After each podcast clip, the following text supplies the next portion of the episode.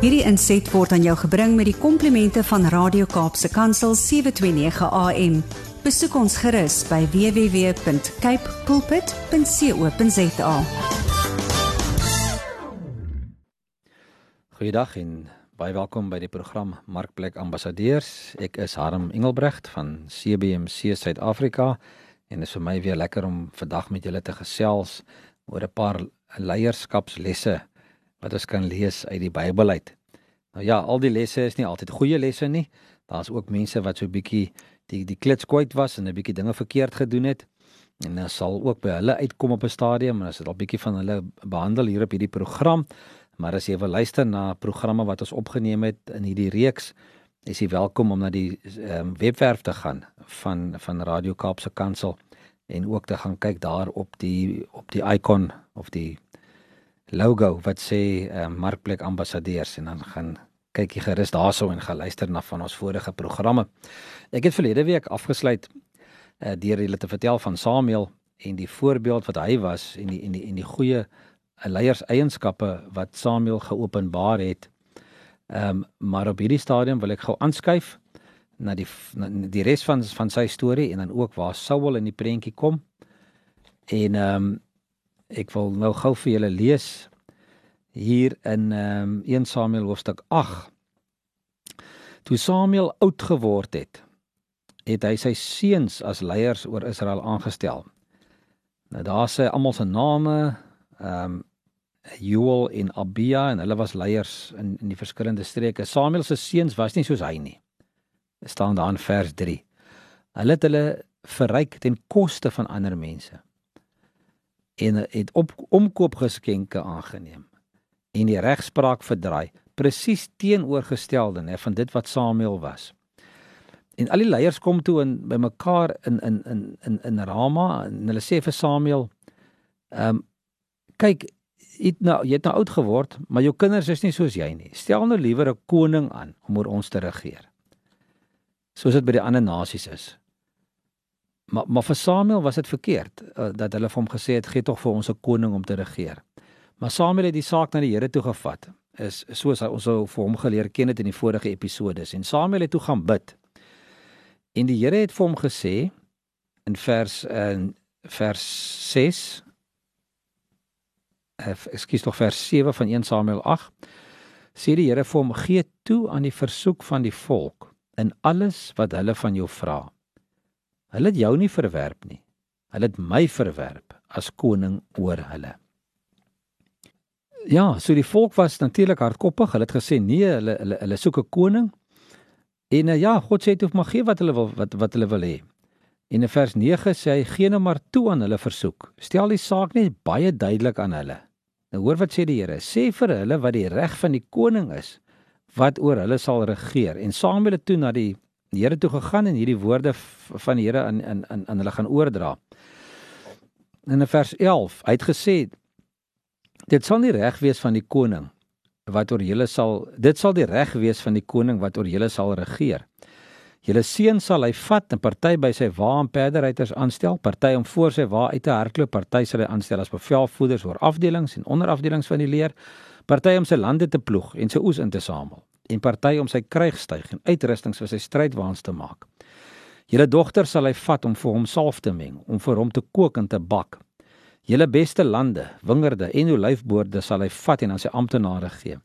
Van julle saaigrond en wingerde se opbrengs sal hy 'n tiende vat en aan sy paleispersoneel en sy amptenare gee.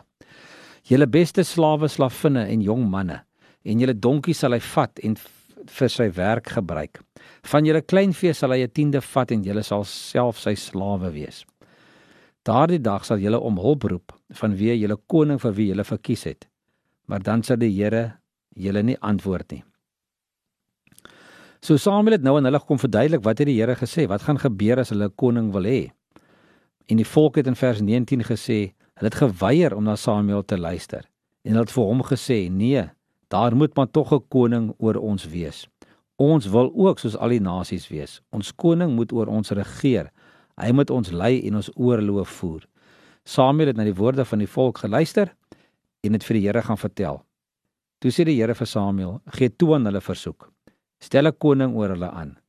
Samuel het vir die manne van Israel gesê: "Gaan julle nou almal huis toe." En nou lees ons in vers 9, ag in hoofstuk 9 van van 1 Samuel van Saul, ehm um, wat toe nou ehm um, genader is en Saul wat toe nou uiteindelik aangestel is ehm um, as as koning. En ja, Saul was iemand wat nie dieselfde waardes as Samuel gehad het nie. Ehm um, Saul het so bietjie so bietjie anders anders opgetree ehm um, as die eerste koning van van Israel. Maar tog het Samuel dit reg gekry. As 'n mens nou verder in 1 Samuel gaan lees, um, hoofstuk 9 tot hoofstuk 15, is daar 'n paar dinge wat ons kan in wat ons kan uithaal en jy kan gerus daai hoofstukke maar gaan lees. En dit is hoe hoe hoe Samuel as 'n geestelike leier dit reg gekry het om saam met Saul te werk. Ehm um, wat eintlik ehm um, noem dit nou maar meer 'n sakeleier was. Uh, so die Bybel verskaf ons 'n mooi voorbeeld van hierdie samewerking. Ehm um, en dit is alles om die om God se visie te bereik. 1 Samuel wys vir ons hoe God as leier na die lewe vir Samuel die priester of die geestelike leier en dan die koning of die sekulêre leier saam gebruik het. Nou omdat Samuel gesonde uh hulle noem dit selfversekerdheid of hy was hy hy, hy was ja, selfversekerd geweest, ehm um, kon kon Samuel sy rol vervul as die groot en sterk Saul ehm um, se geestelike leier.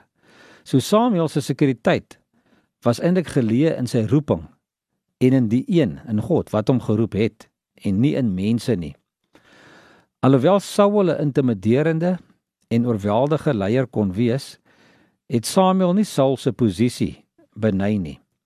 En het hy nie sy aandag laat aflei van sy taak in Saul se lewe nie. So die vennootskap wat tussen hierdie twee bestaan het kon kon God gebruik om sy plan ten uitvoer uh, te bring. Eerstens Samuel kon inspraak hê in Saul se lewe omdat hy verseker was van sy roeping. Dit is 'n belangrike ding ook vir ons as gelowiges dat 'n mens nie afgesit word of geïntimideer word deur mense rondom jou nie, maar dat jy vas staan in dit waarvoor God jou geroep het en jou identiteit wat jy in hom het. In 1 Samuel 9 vers 17 staan: Net toe Samuel vir Saul sien, het die Here vir hom gesê: Dit is die man van wie ek jou gesê het. Hy sal oor die volk regeer, oor my volk regeer.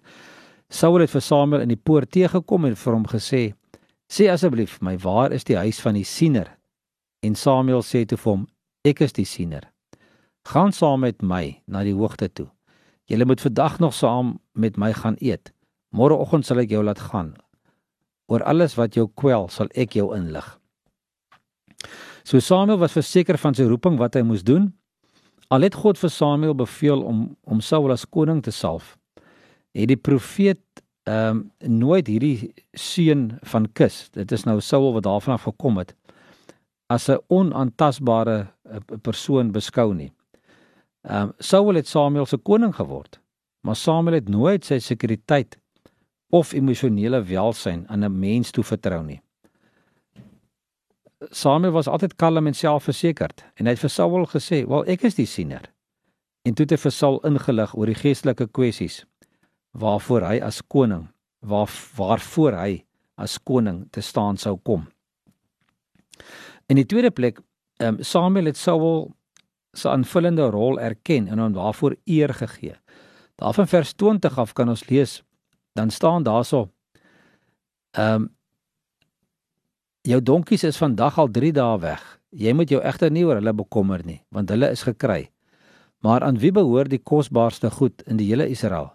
Is dit nie aan jou en jou familie nie?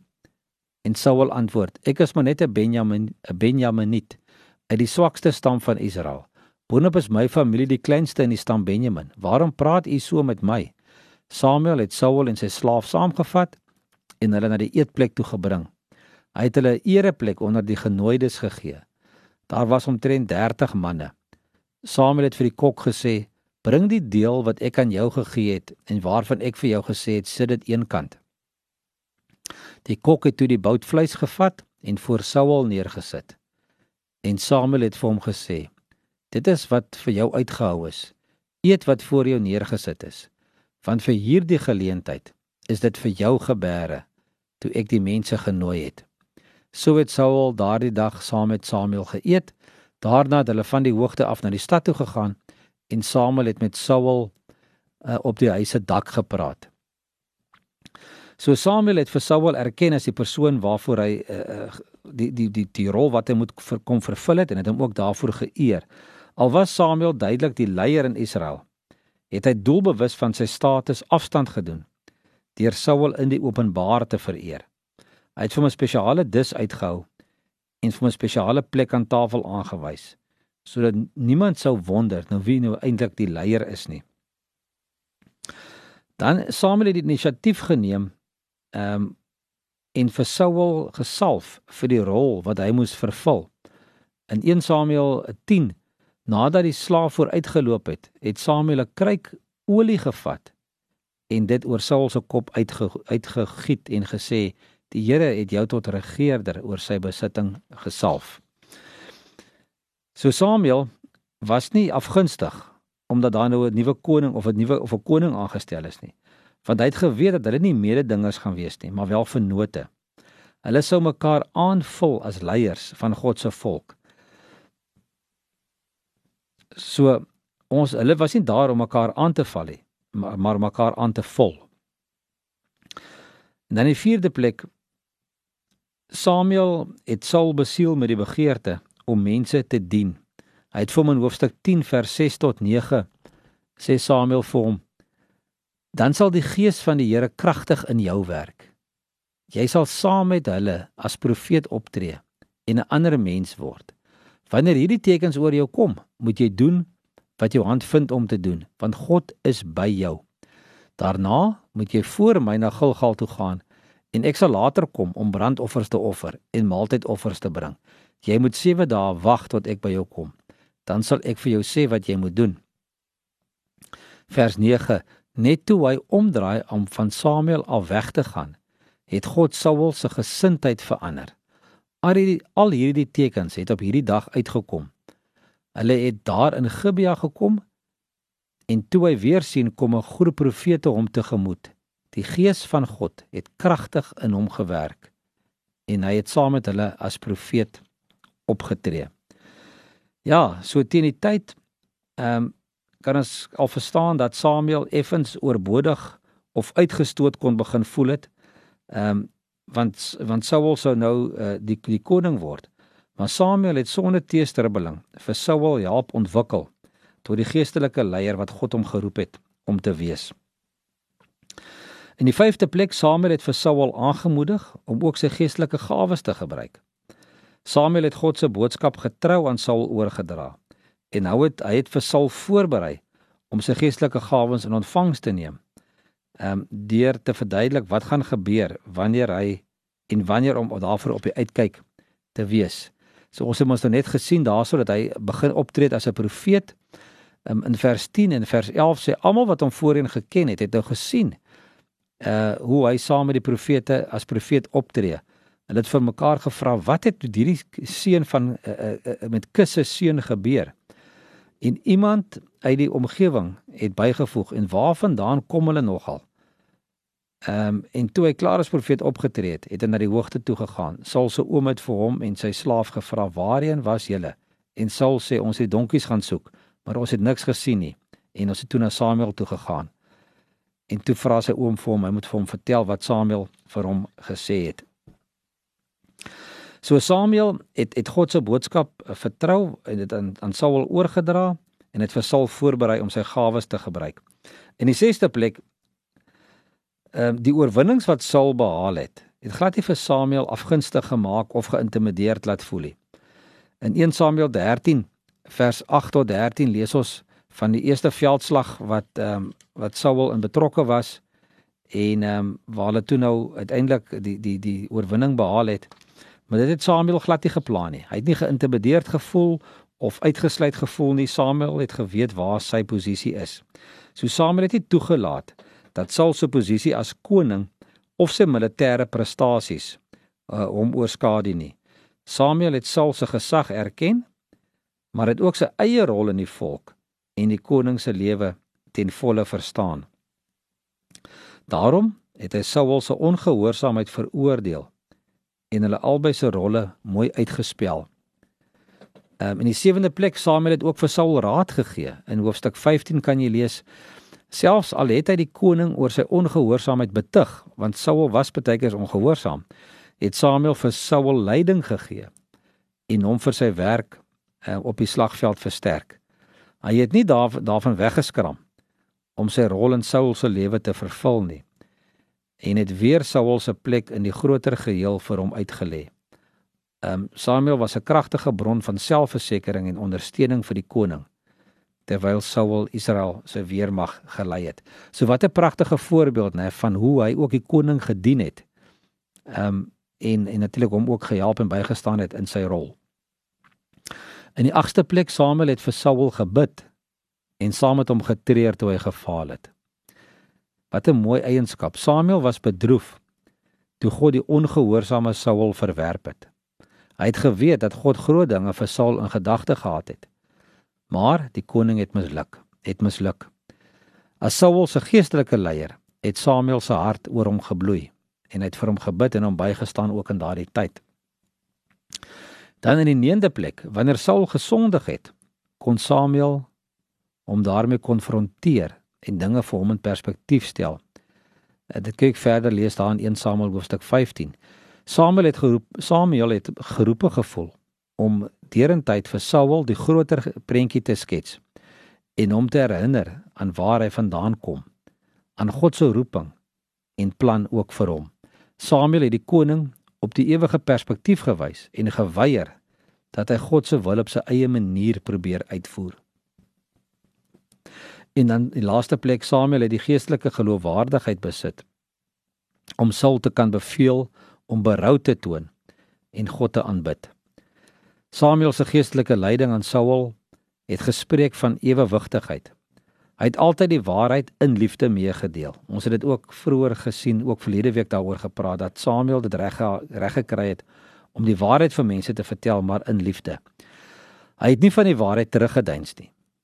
Maar hy was ook nie meerderwaardig of bitsig nie. Toe hy saam met Saul teruggegaan het, het hy dit nie gedoen omdat hy verskrik was nie, maar omdat hy Saul se waardigheid wou beskerm.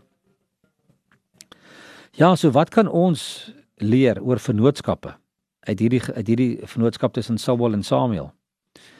Ehm um, die Bybel wys vir ons dat 'n vennootskap tussen 'n geestelike en 'n sekulêre leier moontlik is. As hulle maar net so ver wil kom om saam te werk. So Samuel het die leraar of die geestelike leier verteenwoordig en Saul die die sekulêre leier of ook die entrepreneur. Die kwessie wat geestelike leiers moet uitklaar is ehm um, kan ek myself onderwerp? Ehm um, kan ek myself so ver kry om om te luister wat die ander persoon sê en onderdanig te wees? Of staan myself versekerdheid dalk te sterk? Geestelike leiers beny dikwels die sukses wat sekulêre leiers geniet. En sekulêre leiers ehm um, beny dikwels ehm um, die, die sin wat geestelike leiers ervaar in hulle taak. Met ander woorde die die die die ehm um, dit wat hulle daar uitkry, die um, genot of die vreugde wat hulle kry uit hulle werk, die resultate. En geestelike leiers moet 'n visie ontwikkel wat kragtig genoeg is om sekulêre leiers te lok. En dan die sekulêre leiers moet weer die vrygewigheid ontwikkel om geestelike leiers in staat te stel om hulle visie te verwesenlik. Geestelike leiers moet sekulêre leiers by besluite betrek sodat hulle deel van die bediening voel. En sekulêre leiers moet aan geestelike leiers 'n plek in hulle begrotings en dagboeke toeken. Geestelike leiers moet sekulêre leiers bedien met alles wat die kerk bied of die bediening. Sekulêre leiers moet hulle geestelike gawes aan die kerk se bediening beskikbaar stel. En so kan ons aangaan. Geestelike leiers kan iets bied wat sekulêre wat sekulêre leiers bitter graag wil hê en dit is ook vir vervulling in jou roeping. Maar sekulêre leiers kan weer aan die geestelike leiers die hulpbronne bied wat hulle nodig het om hulle werk te doen en hulle roeping uit te leef. Ja, en daarmee wil ek wil ek dan vandag volstaan.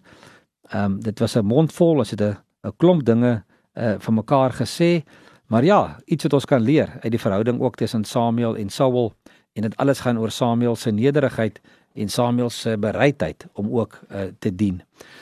As jy graag meer wil weet van van uh, hierdie onderwerpe waaroor ons praat, is jy welkom soos ek gesê het in die begin van die program om te gaan luister op Radio Kaapse Kansel se se se webwerf.